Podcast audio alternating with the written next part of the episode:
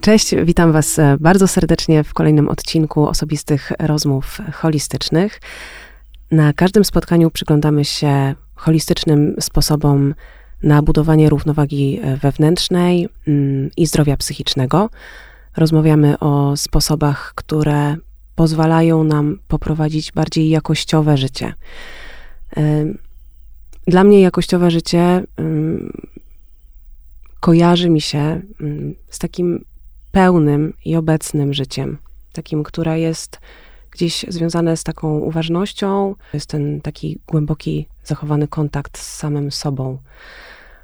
Dzisiaj chciałabym porozmawiać trochę o tej uważności i o obecności e, i o tym, czy takiej uważności w ogóle można się nauczyć i jak ona może i czy w ogóle może wpłynąć na nasze zdrowie, zarówno psychiczne, jak i fizyczne. E, moją gościnią jest wspaniała Małgosia Jakubczak. Małgosiu, bardzo, bardzo Ci dziękuję, że jesteś. To nie jest pierwsza nasza rozmowa i mam nadzieję, że pozwól, że przedstawię Cię e, wszystkim Wam. Małgosia jest fundatorką Polskiego Instytutu Mindfulness Polim. Od 2008 roku promuje mindfulness w Polsce. Jest wykładowczynią i mentorką w jedynym w Polsce studium nauczycielskim MBSR. Promowanie mindfulness w Polsce jest zarówno jej osobistą pasją, jak i znaczącym obszarem jej działalności społecznej. Współorganizuje i współkoordynuje projekt Uważna Szkoła, wprowadzający mindfulness do szkół e, poprzez trening mindfulness dla nauczycieli i uczniów. Systematycznie udziela konsultacji indywidualnych i prowadzi mentoring. Jest autorką książki Rozwijanie uważności na co dzień, wydanej w 2010 roku a następna publikacja jest w planach i w drodze, więc bardzo Wam polecam e, śledzić i przyglądać się nowym, nowym wydaniom. Czy jeszcze coś powinnam Małgosia dodać? Nie, myślę, że to jest o mnie to już aż, aż. Aż, aż? aż nie, aż. nie, twoje bio to jest jeszcze, jeszcze. Dobrze by było zacząć e, tę rozmowę o uważności i o tym, czy ona naprawdę jest aż tak ważna, w naszym życiu, e, od, e, od takiego podstawowego pytania i bardzo jestem ciekawa, jak, e, jak ty ją widzisz i jak ty ją definiujesz. Uważność, obecność i oczywiście tutaj pojawia się też słowo mindfulness, które mam nadzieję, że dojdziemy zaraz do niego troszkę później, bo ono um, zawiera w sobie trochę więcej, mam wrażenie, albo jest, e, jest takie bardziej już usystematyzowane. Natomiast mam wrażenie, że obecność i uważność to są słowa, których jest bardzo dużo, ale y, nie jestem pewna, na ile je tak naprawdę rozumiemy, a na ile przykładamy do nich wagę w życiu codziennym. Jak mówisz to słowo obecność, to ja mam takie skojarzenie z lat szkolnych. Za moich czasów e, na początku każdej lekcji nauczyciel odczytywał listę uczniów. E, I uczniowie odpowiadali obecny, obecna albo jestem. I tak ja naprawdę, też to pamiętam. I tak naprawdę e, to myślę sobie, że to jest trochę jest takie symboliczne, ale jestem obecna tam, gdzie jestem. Jestem fizycznie, ale też jestem mentalnie, jestem emocjonalnie i wtedy jestem obecna. I to jest być może to słynne tu i teraz, które choć jest naprawdę już no nadużywane wręcz, ale tak, to znaczy, że jestem tutaj, nigdzie indziej, nie bujam w obłokach i jestem teraz. Nie wspominam ani nie planuję. Czyli ta obecność to jest bycie, moim zdaniem. I oczywiście y, bycie y, ze świadomością, co się dzieje. Z takim pełnym zaangażowaniem, to mi się kojarzy. Tak, Jeszcze z taką. Tak. E, e, właśnie z, z, pełnią zaangażowania swojej energii życiowej, e, nie, nie dzielenia się na pół, na trzy, na cztery, na tak. nie, nie, nie, bycia w multitaskingu, który też chyba y, królował przez długie lata. Tak. I taka złudna nadzieja, że jak będziemy robić pięć rzeczy naraz, to będziemy pięć razy bardziej efektywni. Hmm. To już myślę, że powoli odchodzi do przeszłości to nastawienie, bo mieliśmy wszyscy, niektórzy bardzo boleśnie, okazję przekonać się, że tak to nic, niestety nie działa. Na pod kolejne, że takie roz, y, rozproszenie energii właśnie, tak jak mówisz, y, rozproszenie uwagi y, bardzo eksploatuje i męczy nasz mózg. Ponieważ mózg do każdej czynności, do każdej aktywności używa jakichś swoich określonych części, określonych funkcji i te zadania, które wykonujemy, one są właśnie związane bezpośrednio z określonymi funkcjami umysłu. W momencie, gdy próbujemy zrobić trzy rzeczy naraz, wymagamy od mózgu, żeby robił właśnie trzy, cztery, pięć rzeczy naraz, a tak naprawdę mózg potrzebuje tego czasu, tej delikatnej przestrzeni i przestrojenia się z zadania, na przykład, które jest bardziej związane z funkcjami analitycznymi, na na przykład e, inne działania, które są związane z innymi funkcjami. Może bardziej wtedy jest o pamięci albo, albo o jakiejkolwiek innej funkcji mózgu. Potrzebna jest przerwa, czas na przestrojenie. Kiedy tej tego czasu nie dajemy, nie dajemy sobie tak naprawdę tej szansy, wtedy bardzo szybko nasze zasoby umysłowe e, się męczą, zużywają, marnują się po prostu, rozpraszając się, marnują się w ten sposób i poziom wykonania tych naszych zadań, aspiracji, różnych ambicji, które próbujemy w ten sposób zaspokoić, no niestety spada. Rozumiem, czyli przeskakiwanie pomiędzy różnymi zadaniami i funkcjami trochę jakby wytraca energię na ten przejazd pomiędzy tak, jednym a drugim. Tak, tak sobie bo wyobrażam. To przeskakiwanie e, jest naturalne wtedy, kiedy jedno zadanie na przykład jest domknięte, zamknięte i w tej chwili jest ten switch, przestawiamy się na inne rodzaje aktywności i dzieje się to w takich interwałach czasowych, które pozwalają na otworzenie i wykonanie jakiegoś zadania, czynności, czegokolwiek, wtedy nie ma tego rozproszenia i nie ma też niebezpieczeństwa, że za chwilę ten biedny mózg będzie musiał wracać do tego, co sobie przed chwilą przerwał i będzie się e, tak naprawdę, jak sobie wyobrażę, e, to w postaci takiej bardziej komiksowej, to wyobrażam sobie e, mózg, który po prostu biega, rozgląda się, szarpie i po prostu nie wie, nie wie już, co ma ręce włożyć. Czym charakteryzuje się i jak określiłabyś taki stan w pełni obecny? Hmm. Czym charakteryzuje się? To ja myślę, że bardzo wysokim poziomem samoświadomości. Czyli tak najbardziej prosto, obrazowo mówiąc, osoba e, jest świadoma tego, co się z nią dzieje, co się dzieje na zewnątrz, i co się dzieje wewnątrz.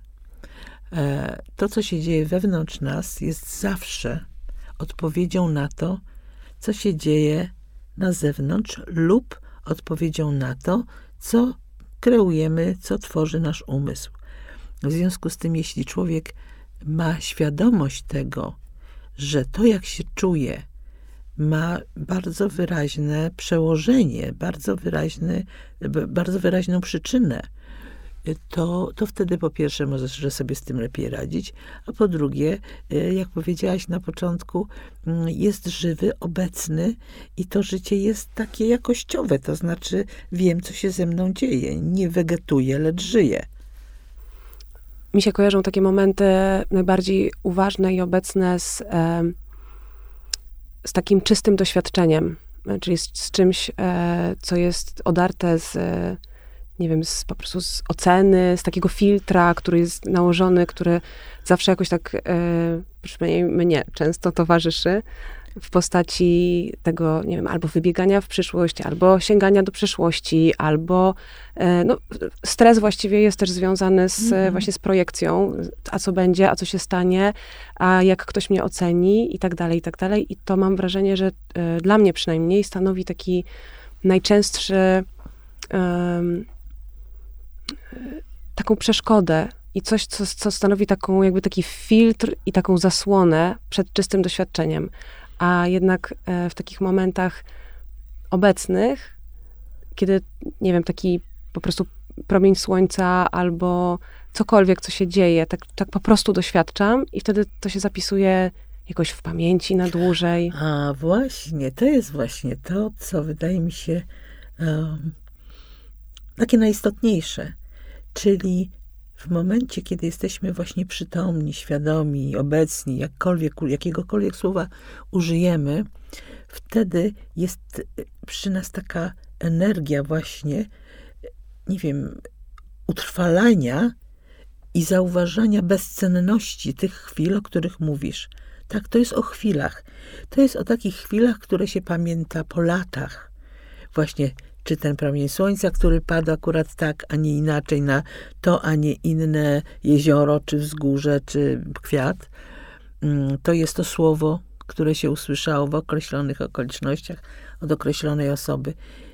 I rzeczywiście bardzo y, to we mnie rezonuje, co mówisz, że jest to doświadczenie wolne od naszych przeróżnego rodzaju produktów umysłu. To jest chłonięcie sobą y, przy pomocy zmysłów, przy pomocy serca, czy emocji, tego, co się dzieje, bez analizowania, bez jakiegoś obróbki umysłowej tego, a dlaczego, a po co, a co z tego wynika, a, a, a jak to zatrzymać, albo jak, jak z tego uciec. Generalnie rzecz biorąc, można by powiedzieć, że czasem takie chwile to jest, to jest ten moment, w którym poz, pozwalamy sobie e, po prostu doświadczać, przyjmować bez analizowania. I od razu powiem, że Y, naszego umysłu, naszego mózgu nie da się zatrzymać tak łatwo, jakbyśmy chcieli, ani w ogóle nam się nie da. W związku z tym e, bardzo często jest tak, że choć pragniemy, na przykład w czasie treningu, w czasie medytacji, pragnieli, pragnęlibyśmy mm, być właśnie wolni od myśli, e, to te myśli tak przychodzą, one i tak ciągle są obecne. E, Natomiast zdarzają się takie chwile, właśnie chwile, o których mówimy teraz, kiedy, kiedy udaje nam się pozbyć tych filtrów mentalnych. Natomiast tak naprawdę mm, w jakimś sensie nie chodzi o to, żeby się pozbyć myślenia, tylko chodzi o to, żeby e, pozbyć się określonego typu myślenia, ponieważ e, są takie no właśnie, typy myślenia, można by powiedzieć, y, które po pierwsze zaburzają tę obecność, a po drugie z definicji skazują nas na jakiś rodzaj cierpienia.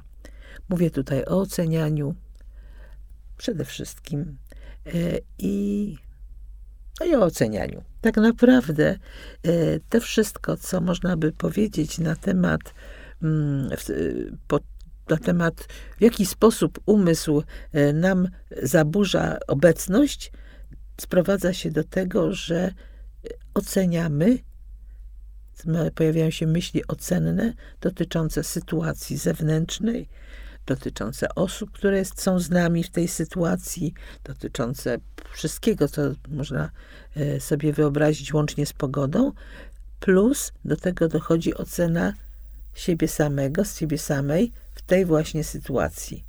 I rozumiem, że to ciągnie za sobą też e, od razu stany emocjonalne, które z tego wyrastają. Tak, i to polega, i to się pojawia napięcie, pojawia się niepokój, pojawiają się często jakieś lęki, pojawia się bardzo y, wiele stanów emocjonalnych, które y, po prostu z natury swojej nie pozwalają nam w pełni się zanurzyć w tę rzeczywistość.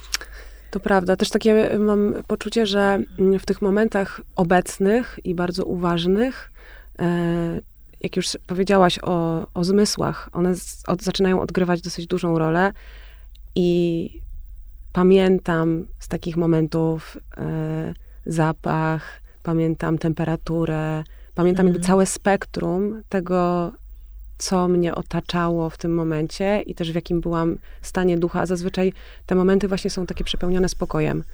Spokojem, zachwytem, często wręcz tak, takim tak, tak, tak, uniesieniem, tak. że wow, wow. Natomiast wiesz, to co jeszcze, chciałabym na chwilę wrócić do tego, co mówimy o tych chwilach takiej pełnej obecności, bo i, i zmysłach. To jest taka chwila, w której właściwie można powiedzieć, że bardzo często wykorzystujemy pełnię naszej zmysłowości. Zazwyczaj w takim życiu potocznym, kiedy jesteśmy, nasza uwaga jest w jakimś działaniu, osiąganiu, czy unikaniu, czy czymkolwiek innym, e, tylko niektóre nasze zmysły są zaangażowane. No, czasem bardziej słuch, czasem bardziej dotyk, czasem. Natomiast w tych chwilach pełnej obecności zdarza się, że wszystkie zmysły działają na swoich najwyższych obrotach. I to nie jest tak, że nie wiem, raptem lepiej widzę, czy lepiej słyszę, ale po prostu staje się bardziej wrażliwa na dźwięki, bardziej wrażliwa na e, kolory, kształty, cokolwiek. To samo dotyczy tych zmysłów, o których ty wspomniałaś. Zapach, czy, czy smak, czy dotyk. To są, to są właśnie takie chwile, w której jakby pełnia tej chwili jest przyjmowana przez nas przy pomocy pełni zmysłów. A powiedz, czy ty uważasz, że naprawdę musimy się tego uczyć od nowa, jak być uważnym i czy w ogóle być uważnym? E, dobrze powiedziałaś od nowa. E, to znaczy, ja mam takie przekonanie, że, że jako dzieci my to w sobie mamy. E, a potem się oduczamy bardzo skutecznie, nam, nas wspierają różne instytucje w tym i okoliczności, w jakich żyjemy. I potem od nowa trzeba do tego wrócić, jeżeli oczywiście z jakiegoś powodu człowiek uzna, że to jest dla niego wartość, że chce tak żyć, że chce być świadomy, że chce być przytomny, że chce e, jak najwięcej, e, że tak powiem, czerpać z życia e, i prowadzić życie świadome. Tak bym to powiedziała. To może nie jest jakieś najbardziej precyzyjne określenie, ale to świad ta świadomość, samoświadomość i świadomość życia mm, wydaje mi się tutaj kluczowe. Więc jeśli się E, chce żyć świadomie, to, to przydaje się, przydają się pewne umiejętności związane właśnie, e, no choćby z treningiem umysłu, mhm. czyli z, można powiedzieć z treningiem uważności. A powiedz, jak um, do tego, co powiedziałaś już, um, ma się stres E, czyli myślę tutaj o takich elementach, które wybijają nas często z, e, z chwili obecnej. I oczywiście mm, o stresie się mówi bardzo dużo i myślę, że dużo już na ten temat wiemy, ale, mm, ale on ma różne poziomy i w takim świecie, w jakim żyjemy, szybkim i bardzo cały czas e, napiętym. I mówię tutaj już z perspektywy naprawdę od geopolitycznej do osobistej i do przeróżnych wydarzeń, nawet ostatnich miesięcy, które się wydarzały, które jednak kumulują te napięcia w nas na różnych poziomach. To, to mam wrażenie, że, mm, że jest to jednak taki, taki czynnik, którego bardzo trudno uniknąć w tym momencie. E, a jednocześnie jest, e, to, jak mówiliśmy wcześniej, mm, to jest ciągłe wybieganie w przyszłość albo martwienie się właśnie tym, co, e, co się dzieje wokół nas, ciągłe analizowanie i zapętlanie się w takim kołowrotku myśli i emocji. Wiesz co, mm, kiedy myślę o stresie, to oczywiście, tak jak powiedziałaś, jest mnóstwo różnych podejść, różno, mnóstwo różnych definicji. Natomiast po co jest stres? Po co matka natura wyposażyła nas w ten cud zwany stresem? No po to, żebyśmy kurczę przetrwali. To jest o, to jest o tym, że e, każda istota żywa, człowiek też, e, potrzebuje przetrwać i potrzebuje coś osiągnąć. Nawet jeśli tym osiągnięciem miałaby być po prostu para, czyli druga istota, z którą stworzy kolejne, przekaże geny, stworzy kolejne e, istoty. Dziecko chyba już wie, że generalnie mechanizmy są takie, że walcz, uciekaj lub z, e, zamroź się, czyli, czyli stań się niewidzialny tak naprawdę, można powiedzieć, niewidzialny, niesłyszalny. I, I kiedy spojrzysz na to jako na stan ciała i umysłu, który ma walczyć, uciekać lub zniknąć, najkrócej mówiąc, no to yy, wiadomo, że organizm jest zmobilizowany na 200%. Wszystkie hormony temu służą, żeby właśnie lepiej walczyć, szybciej uciekać, lepiej znikać i tak dalej, i tak dalej. Natomiast gdzie tu czas na y, regenerację, na zdrowienie? Nasze ciała są również zaprogramowane na regenerację i na zdrowienie. W stresie jest to niemożliwe. W związku z tym, że tak jak powiedziałaś, stresu się nie da uniknąć, on nam towarzyszy nieustannie. Więc nawet nie próbujmy żyć bez stresu i się go pozbyć, bo on jest naturalną, fizjologiczną reakcją na coś, co jest albo realnym, albo nierealnym, ale zagrożeniem. I tego się nie da, po prostu nie da y, uniknąć. Natomiast to, co możemy zrobić dla siebie, to możemy nauczyć się tak z nim się obchodzić z tym stresem, żeby on przede wszystkim miał określone ramy czasowe. Pojawił się, e, wspomógł te funkcje przetrwania, o których mówimy najogólniej, następnie się wyciszył, żeby nasze ciało, umysł, emocje przeżywały równowagę między stanem napięcia i mobilizacji, a stanem rozluźnienia, stanem, w którym jesteśmy po prostu E, nie wiem, spokojni, radośni, nasze ciała mogą się regenerować i e, jednocześnie też nasz mózg e, ma wtedy największy potencjał na kreację, na tworzenie.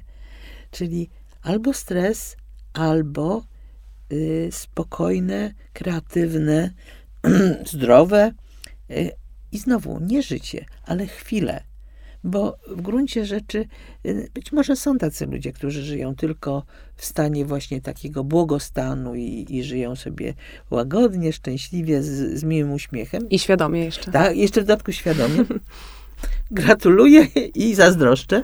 E, natomiast tak zwani normalsi to są ludzie, którzy po prostu doświadczają stresu, doświadczają też e, wychodzenia ze stresu.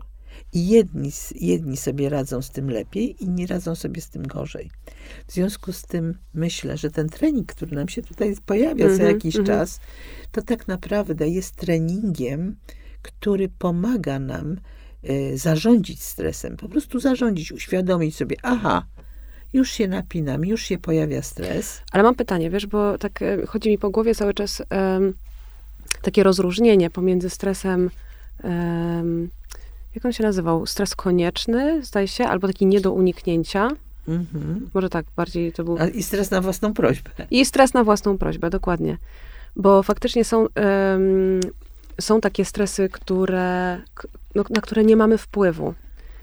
Bo jest to choćby wojna za rogiem, albo jest to choroba kogoś bardzo bliskiego, albo nasza własna, albo są to inne wypadki losowe, których bardzo trudno uniknąć i to się często przeradza, przeradza w taki e, przewlekły stres.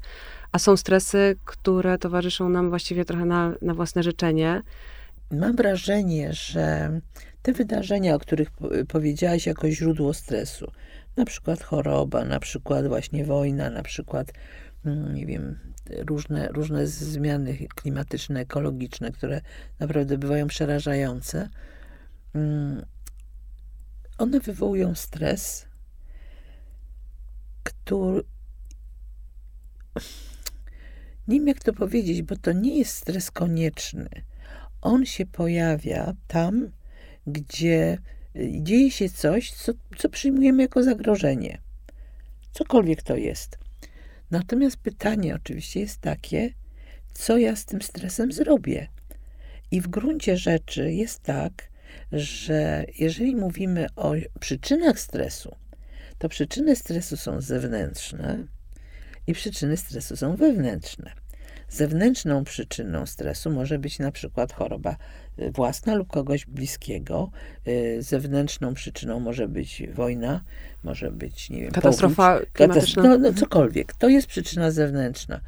Natomiast przyczyna wewnętrzna to jest to coś, co my y, robimy z tym stresem. W gruncie rzeczy większość z nas nieświadomie ma takie tendencję do nakręcania, do akceleracji i powiększania tego stresu, tych myśli, które towarzyszą, e, tych emocji, które towarzyszą. E, I to jest taki stres, o którym można powiedzieć, że on jest właśnie na własną prośbę, że jestem, nie mam zgody na to, co się dzieje, że, że zastanawiam się, co to będzie dalej. Jak tak dalej pójdzie, to będzie jeszcze gorzej. A co będzie, jeśli nie wyzdrowieje? A co będzie, jeżeli się pogorszy mojej bliskiej osobie? I w gruncie rzeczy mamy tutaj takie echo. Pojawia się wydarzenie naturalnie stresujące i nie ma się temu mm, ani co dziwić, ani, ani jakoś temu zaprzeczać. Trzeba sobie z tym radzić, ale to o tym za chwilę pogadamy, jak. Natomiast jest jeszcze takie echo autodestrukcyjne, można powiedzieć, które e, odbija się od naszego e, napięcia i wzmacnia je bo swoimi myślami dodajemy sobie właśnie napięcia, strachu, dodajemy też e, rozwiązań, e, takich wyobrażonych rozwiązań, które oczywiście zmierzają w coraz gorszym kierunku. No bo jak słyszymy, że jest wojna tuż przy granicy, no to po oddechu bardzo często się słyszy, no to przyjdą też do nas, to ta wojna przyjdzie do nas. Jak słyszymy, że ktoś jest chory i znalazł się w szpitalu, to odpowiedź jest taka, no i co? I teraz to jak mu się pogorszy, czy jak jej się pogorszy, co teraz będzie dalej? I to jest właśnie ten stres taki na własną prośbę. Myślę, że sztuką uważnego, świadomego życia jest zauważenie właśnie w jakim jestem stanie. Że jestem na przykład przerażona, bo dowiedziałam się, że ktoś bliski jest chory. I jeżeli mam taką świadomość, że okej, okay, dzieje się coś ważnego, więc ja po pierwsze muszę się zatrzymać. Muszę się zatrzymać, muszę złapać oddech i muszę sama siebie zapytać, co się ze mną dzieje. I wtedy może odpowiedź będzie właśnie taka: jestem w panice, bo dowiedziałam się, że ktoś bliski na przykład jest chory. I wtedy, y, w tym momencie świadomości, w tym momencie zatrzymania, jest szansa na to, że nie pozwolę sobie na to echo, które będzie przypominało, że ta choroba może się potoczyć tak czy owak, że już tyle osób chorowało i dzisiaj już ich nie ma z nami, że i tak dalej, i tak dalej. Te wszystkie czarne scenariusze można powstrzymać. Choroby pewnie można na różne sposoby, ale na tym etapie, o jakim teraz mówimy, nie mogę powstrzymać, po prostu jest faktem zewnętrznym. Natomiast mogę oczywiście wykreować fakty wewnętrzne, które będą bardziej jeszcze przerażające niż ta choroba. Ale całe szczęście mogę też po pierwsze powstrzymać te czarne scenariusze. Mało tego, mogę zaprosić swój umysł do kojących funkcji, bo umysł nie musi produkować katastrof, y, tych obrazów coraz bardziej dramatycznych mamy władzę nad swoim umysłem, a umysł ma talent do y, wyobrażania, do, do, do obrazowania. W związku z tym, jeżeli będę to robić świadomie, mogę zaprosić swój umysł do y, wspierania procesu zdrowienia tej osoby, czy mnie samej radzącej sobie z tą sytuacją. Więc to jest tak naprawdę bezcenny. To może być na przykład uzdrawiająca wizualizacja. Na przykład. Może być wiele różnych y, takich osobistych narzędzi, y, które albo afirmacji, albo właśnie, innego. Mhm. afirmacje, y, wizualizacje.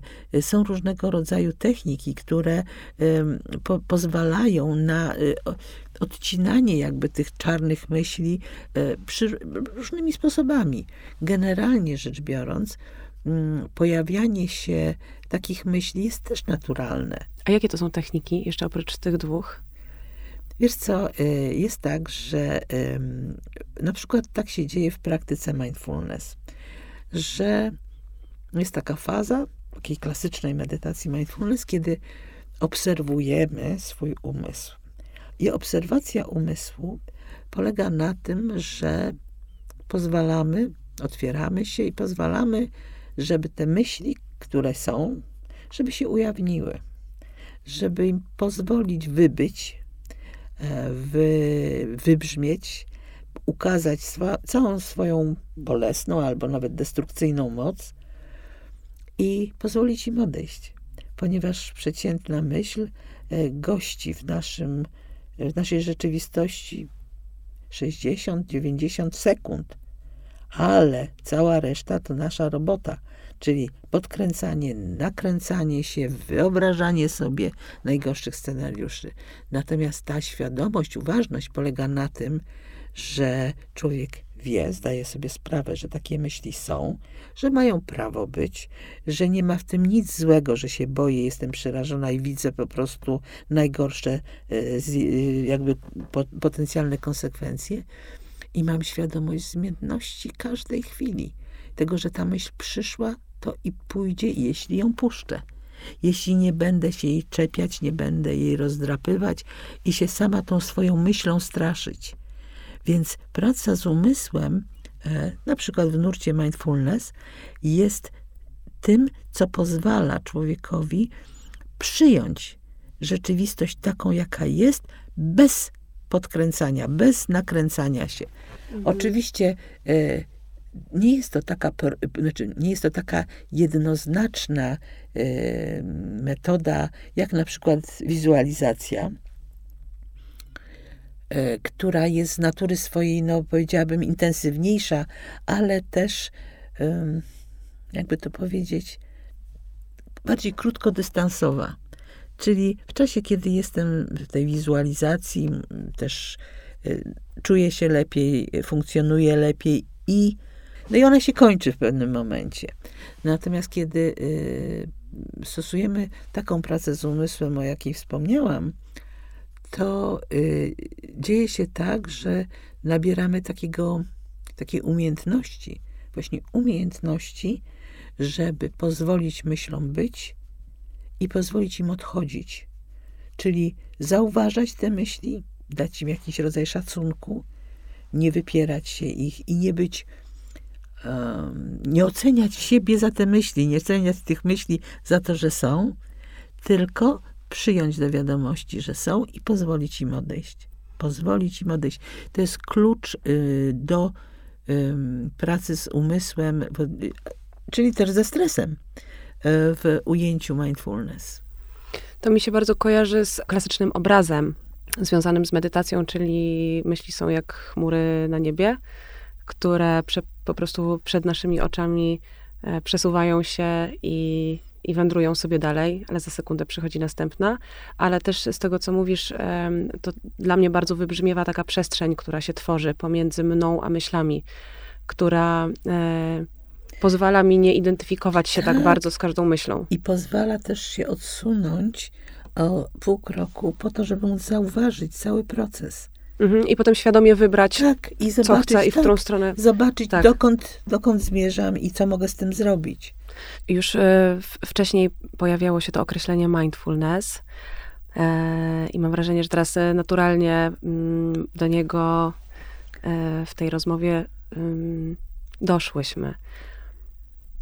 Czym dokładnie, Małgosia, mindfulness jest? Czy, czy jest to ten sam stan, którym można określać właśnie uważność, obecność? Czy to są E, nawymiennie stosowane często są e, określenia, aczkolwiek na początku już chyba też mówiłyśmy, mindfulness, mindfulness jest pewną formułą też. Jak, jak ty to no? No więc właśnie, y, z jednej strony można, można by powiedzieć krótko, że mindfulness po polsku to, to jest uważność, co nie jest do końca prawdą. Ja nie przepadam za tym polskim tłumaczeniem, bo uważam, że to jest zupełnie co innego. To jest bardziej o jakiejś postawie życiowej, mówię o uważności. Natomiast mindfulness to jest jakaś ścieżka rozwoju, to jest jakaś ścieżka treningu umysłu, e, to jest jakiś rodzaj dyscypliny e, mentalnej, e, która jest z tym związana. I myślę, że gdyby mnie ktoś zapytał, dla mnie mindfulness jest bardziej o nurcie, w jakim ludzie chcą świadomie żyć, a uważność to jest osobista, osobisty efekt treningu mindfulness. Czyli człowiek staje się bardziej uważny, ponieważ w nurcie mindfulness praktykuje, ćwiczy, po, podąża za instrukcjami, podąża za wskazówkami nauczycieli i, i w tym kierunku e, robi jakiś wysiłek e, swój, wkłada w to, żeby w jakimś stopniu rozwinąć swój umysł i swoje umiejętności zarządzania tym umysłem. E, a mindfulness jest, e, jak rozumiem, zestawem ćwiczeń. No właśnie, mindfulness jest tak wieloznacznym pojęciem, że y, no, że właśnie na pytanie, czym jest mindfulness, to odpowiedź brzmi, a kto pyta i w jakim kontekście i, i co z tego ma wyniknąć. E, tak, można powiedzieć, że mindfulness to jest taka, taka formuła treningu umysłu, która składa się z wielu ćwiczeń. One łącznie, e, każde z tych ćwiczeń może się nazywać medytacja albo jakieś inne ćwiczenie, ale łącznie mają taką nazwę ogólną praktyka mindfulness. Czyli praktyka to są różne ćwiczenia, krótsze i dłuższe, formalne i nieformalne, które wszystkie mają taki jakiś e, cel, mniej lub bardziej wyrazisty, właśnie chodzi nam o taki rodzaj kontaktu ze swoim umysłem, żeby ten, ten umysł wykorzystywać i do radzenia sobie z rzeczywistością, do radzenia sobie z życiem. Również ze stresem, ale również z radościami, również z sukcesami, e, również z tym, co nam po prostu życie przyniosło w formie jakichś niespodzianych, e, kompletnie zaskakujących wydarzeń. Bardzo dla mnie ciekawa i zawsze poruszająca jest historia mindfulness, bo właściwie jest to trochę, jak, oczywiście skoryguj mnie, jeśli, jeśli źle pamiętam, ale e, jest to nurt, który wynika, no jest, można powiedzieć, świecką medytacją i wynika gdzieś, czy jest bardzo e, zbliżony do medytacji buddyjskiej, e, ale został właściwie zaprojektowany dla mm, weteranów wojennych wojny w Wietnamie przez Johna Kabat-Zina. Mm-hmm. I okazało się, że niesamowicie ten program sprawdza się w redukcji stresu pourazowego, który chyba jeszcze wtedy nawet nie był nazywany takim stresem pourazowym. Wszystko się zgadza.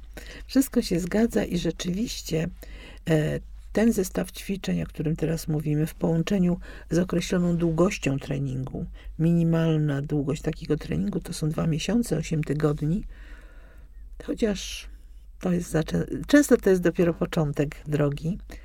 Y, ma bardzo mierzalne, rzeczywiście bardzo mierzalne efekty w postaci badań różnego rodzaju naukowych dotyczących wpływu treningu mindfulness na zdrowie.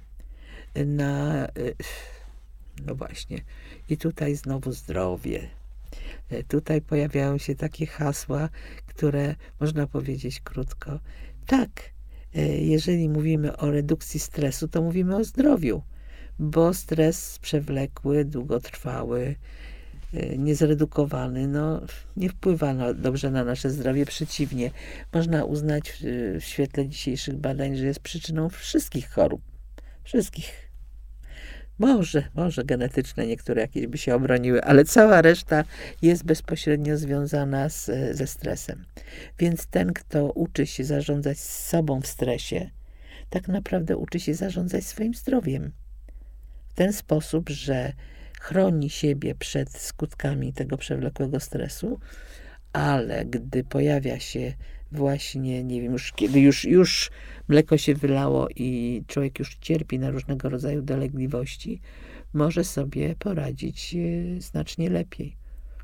I, i dobrze mówisz, że e, John Kabat-Zinn, sam jako buddysta, z wielką atencją i szacunkiem do tej psychologii buddyjskiej, e, wiedział, znał te techniki, wiedział, że mają one ogromny wpływ no ale y, na, na całego człowieka, na jego ciało, emocje i umysł, ale też y, konstruując z całym zespołem ten program MBSR, Mindfulness Based Stress Reduction, y, to prawda, że głównie był skoncentrowany na stresie pourazowym i na bólach fantomowych.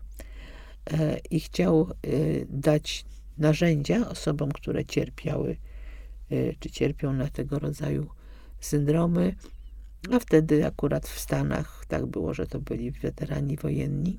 Y, John chciał dać narzędzia bezpośrednio zainteresowanym osobom, y, żeby wyposażyć ich w samodzielną możliwość takiej samopomocy. I rzeczywiście, wybierając spośród różnego rodzaju technik buddyjskich, a te ćwiczenia, które są związane właśnie z kontaktem z ciałem, kontaktem ze zmysłami, e, z kontaktem z umysłem i z emocjami, pokazał no, adeptom, pokazał uczestnikom tego, tego treningu, że jest bardzo proste przełożenie, że świat jest taki, jaki myślisz, że on jest. Ale niesamowite jest to, że to przekłada się nawet e, na doświadczenie bólu i przewlekłego bólu. Tak. Czyli e, bardzo często okazuje się, że trening mindfulness pozwala uwolnić się osobom, które zmagają się z chronicznym bólem, od tego bólu nawet na moment, ale jest to, jest to no często na jedyna rzecz, która działa. I widzisz, to jest właśnie to, o czym, o czym jakoś tak mam e, wrażenie, że od tego zaczęłyśmy, od tej ulotności, od tych chwil świadomości. I tak samo jest w pracy z bólem, takim również fizycznym, chronicznym, że kiedy się y, doświadcza jakiegoś rodzaju stałego bodźca, jeżeli nazwiemy akurat ból bodźcem, e, to e, przy pomocy umysłu, przy pomocy kierowania uwagi o określonej wysokiej jakości, nieocennej, skierowanej na bieżącą chwilę, która pozwala zaobserwować ten ból, która nie mówi, że mnie boli, po prostu mnie boli, tylko ta obserwacja bólu bez oceny, bez strachu, z taką subiektywną relacją do tego bólu zaczyna pokazywać, że być może nie boli jednak cały czas, że nie boli tak samo, że są pewne przerwy, że można sobie jakoś pomóc, że kiedy na przykład oddycham w określony sposób, lepiej się czuję, kiedy się ruszam lub nie ruszam, lepiej się czuję. I to jest właśnie tą samopomocą, tym narzędziem do radzenia sobie z tym bólem. To nie jest tak, że trening uważności czy mindfulness wyleczy człowieka z jego bólu, ale nauczy się, nauczy go, czy ta osoba nauczy się, lepiej sobie radzić z tym bólem. To jest to samo, co ze stresem, że y, ani trening mindfulness, ani nic na świecie nie uwolni nas od stresu, od tego, że stres jest możemy co najwyżej nauczyć się lepiej sobie z tym radzić. To mi się też e, kojarzy z e, bezradnością versus takim poczuciem wpływu tak. i kontroli. No tak, to jest właśnie o tym, że bardzo często w obliczu głębokiego stresu, zwłaszcza przewlekłego, e, w obliczu choroby, niesprawności, bólu, żałoby czasem przewlekłej, czujemy się po prostu przytłoczeni, bezradni i nie mamy w sobie Y, jakiejś wiary w to, że kiedykolwiek uda nam się z tego wyjść, pozbyć, uwolnić. Natomiast dzięki y, praktyce mindfulness, nawet to doświadczenie chwilowej ulgi w bólu, chwilowej, wiesz, nie wiem, na przykład przy, y, przy chronicznej bezsenności, nawet północy przespanej już jest jaskółką, która czyni wiosnę. Już pokazuje, że jednak jestem w stanie usnąć, jestem w stanie przespać kilka godzin pod rząd.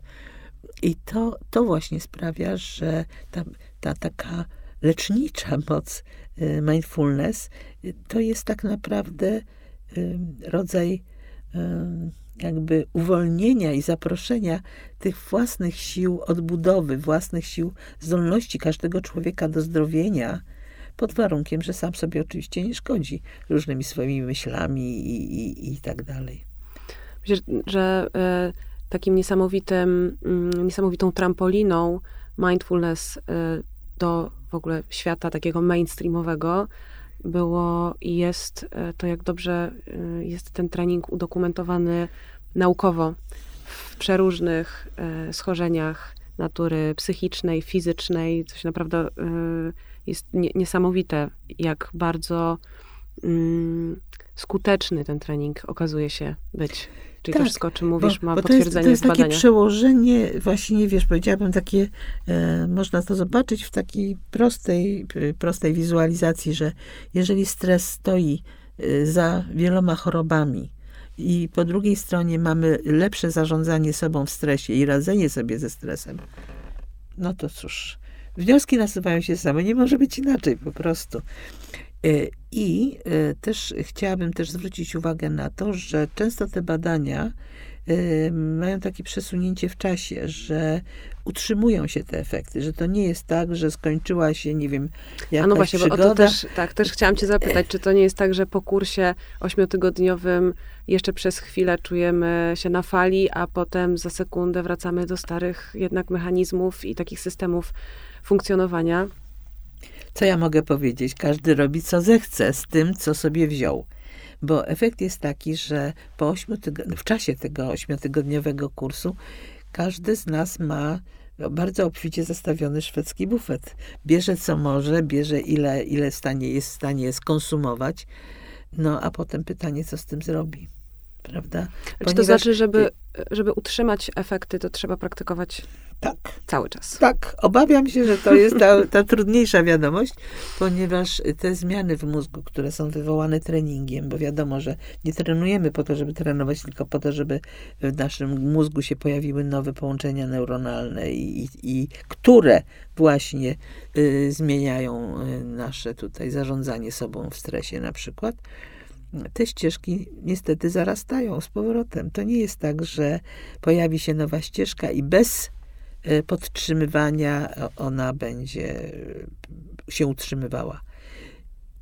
I dlatego, mm, jak słyszę o ośmiotygodniowym treningu, to zawsze mi się chce powiedzieć, że to jest początek, że to jest naprawdę świetny y, początek e, przygody, która y, no, będzie tym trwalsza, tym bardziej spektakularna, im będzie bardziej długotrwała. Trochę mnie kusi, żeby poprosić cię o takie jedno ćwiczenie, które mogłabyś e, przywołać, opisać. Opisać. Mhm. Wiesz co, to jest trochę tak, że e, opisać ćwiczenie to jest, bar- to jest jedna rzecz, ale doświadczyć tego ćwiczenia to jest druga rzecz. Ja oczywiście mogę powiedzieć, na czym to polega, ale chyba wolałabym, żeby, żeby nie wiem, poprowadzić takie mikroćwiczenie e, i ktokolwiek zechce wziąć w tym udział, żeby, żeby po prostu podążył za instrukcją i no i cóż, i zobaczymy, co z tego wyniknie. Tak, ja, Tak, ja jest jestem dobry gotowa, pomysł. ależ oczywiście. No dobra, no to w takim razie e, pierwsze, do czego, do czego nas wszystkich zachęcam, do tego, żeby się jeszcze wygodniej rozsiąść niż teraz, poprawić się i poczuć jak ciało zaproszone do tego, żeby znaleźć wygodną pozycję, zaczyna się ruszać, zaczyna ramiona, pośladki, uda, coś się zaczyna dziać, żeby było jeszcze wygodniej. A my po prostu podążajmy za tym, co proponuje ciało. Jeśli chcesz, możesz zamknąć oczy, to bardzo pomaga.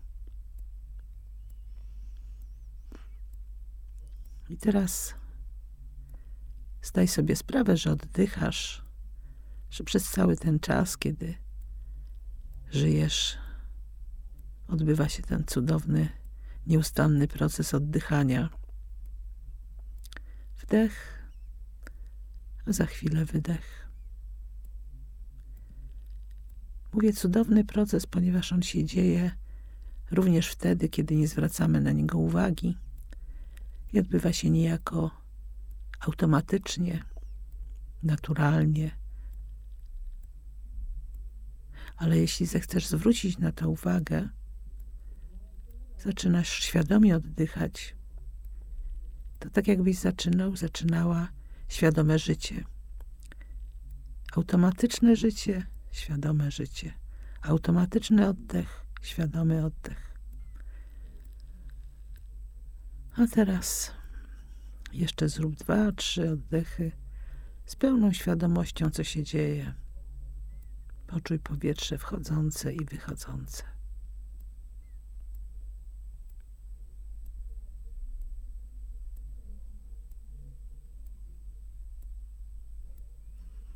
A teraz zapraszam Cię do zwrócenia uwagi na Twoją głowę i twarz.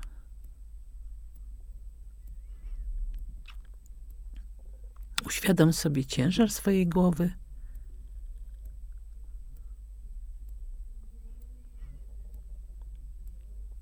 I powoli przesuwaj uwagę od dołu, od dolnej szczęki, brody. Z wewnętrznym uśmiechem, z zaciekawieniem wyczuwaj mięśnie i kości swojej twarzy.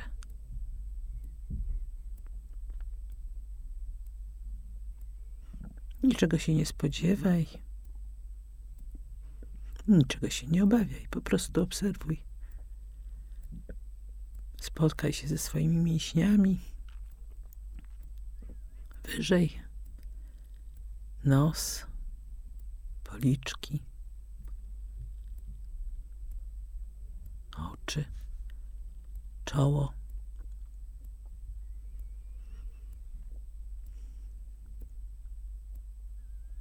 I sprawdź, czy właśnie w tej chwili możesz jakoś delikatnie, mniej lub bardziej wyraźnie się uśmiechnąć do siebie z wdzięcznością za tą chwilę ciszy i zatrzymania. Gdy będziesz gotowa, gotowy, otwórz oczy. To jest koniec ćwiczenia. Wspaniałe, dziękuję Małgosia. No, mam nadzieję, że jakbyś miała lusterko, to byś też zobaczyła, jak się twarz zmienia. No, tak, jestem ćwiczenia. uśmiechnięta, tak jak nie byłam wcześniej. Tak, tak. I roz, rozpuszczają się napięcia w twarzy. I to jest właśnie to, kiedy swoim umysłem y, wędrującym kierujemy y, i zachęcamy do, do nieocennego przyjmowania wrażeń. Tak, ale Bardzo tym to się- polega. Bardzo, ale, bardzo mi się podobał wewnętrzny uśmiech. Wspaniałe, dziękuję. Dziękujemy. Dzięki. Dziękuję, że, że chciałaś wziąć w tym udział. Byłam gotowa. E, Zrobiłam kiedyś e, ośmiotygodniowy kurs e, mindfulness i faktycznie jest to doświadczenie, które bardzo dobrze pamiętam. Mhm. mówiąc o e, chwilach obecnych i o pamięci. I em, jednym z tych e, ćwiczeń, które e, rozumiem teraz o nie zahaczyłyśmy, jest właśnie ćwiczenie body scan, czyli to Mhm. przejście świadome przez ciało.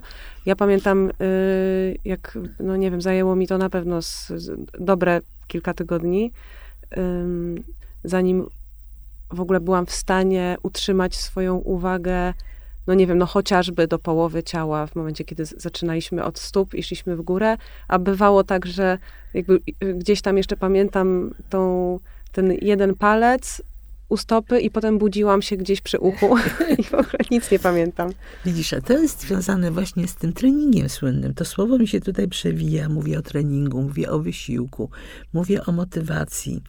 Y, Tak naprawdę to nie jest wcale takie proste, żeby zarządzać swoim umysłem, swoimi myślami, przede wszystkim swoją uwagą. My jesteśmy bardzo często przyzwyczajeni do takich sprinterskich, że tak powiem, akcji. Szybko, konkretnie y, potrafię skupić się na jednej wybranej rzeczy, puszczam i koniec. Natomiast ćwiczenia mindfulness mm, są ćwiczeniami przede wszystkim, które zachęcają często do y, działania w, jakiejś, y, w jakimś kontraście do nawyków. W związku z tym, y, no choćby skanowanie ciała, to jest bardzo powolny proces. Proces, w którym o nic nie chodzi. W ogóle nie chodzi o, o, o nic. Chodzi tylko o to, żeby być obecnym i przyjmować doświadczenia z ciała. Więc dla wielu osób na takim mentalnym poziomie, ale zaraz, no ale po co? Co ja mam z tym? Co ja mam robić? Jak ja mam się z tym czuć? To jest zasadnicze pytanie. O co chodzi? I jeżeli nauczyciel ma w sobie ten pokład, e, że tak powiem, dobrego humoru, mówi, że to w ogóle o nic nie chodzi, to nie wszyscy są w stanie to udźwignąć. W tym sensie, że zawsze musi minąć trochę czasu, żeby się zorientować, że za którymś razem jednak od tego palca uwaga się wydłużyła na tyle, że jestem już gdzieś przy miednicy może nawet. Potem się okazuje, że jestem w stanie objąć uwagą całe swoje ciało. Czyli po pierwsze wy, wydłużyła się moja zdolność zarządzania uwagą, koncentrowania się.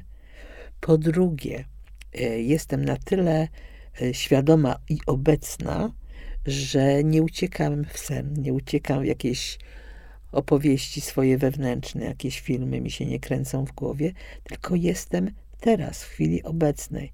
I zaczynam rozumieć, co to znaczy, jak ktoś mi mówi, że wysoka jakość uwagi polega na byciu e, w chwili obecnej. To, to jest albo teoria, która nic nie znaczy, albo to jest praktyczne doświadczenie, choćby właśnie w tym mm. skanowaniu. Mm.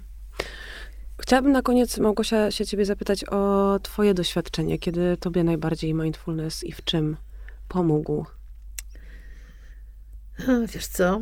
E, no długo, by, długo by opowiadać, bo ja długo żyję już na tym świecie, więc mogłabym tutaj opowiadać dużo różnych przykładów, ale chyba, chyba chciałabym powiedzieć o tym, że e, taki najbardziej spektakularny e, akt odbył się nie tak dawno temu.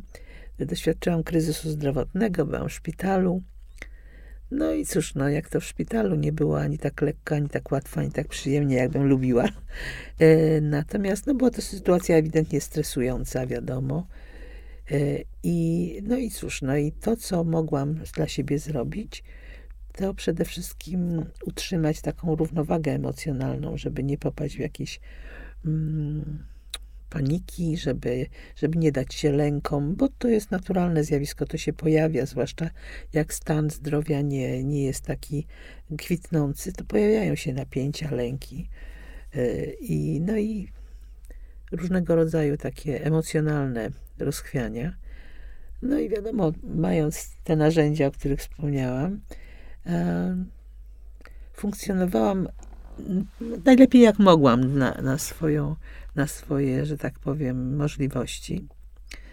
I ponieważ spędziłam w szpitalu dosyć dużo czasu, to pod koniec mojego pobytu, po jakimś czasie, e, mój pokój, bo byłam w, w izolatce, mój pokój stał się gabinetem terapeutycznym. Przychodziły panie pielęgniarki i mówiły, jak pani to robi, że pani taka spokojna, a pani się uśmiecha, a tu listopad za oknem, a tu ciemno, a tu deszcz pada.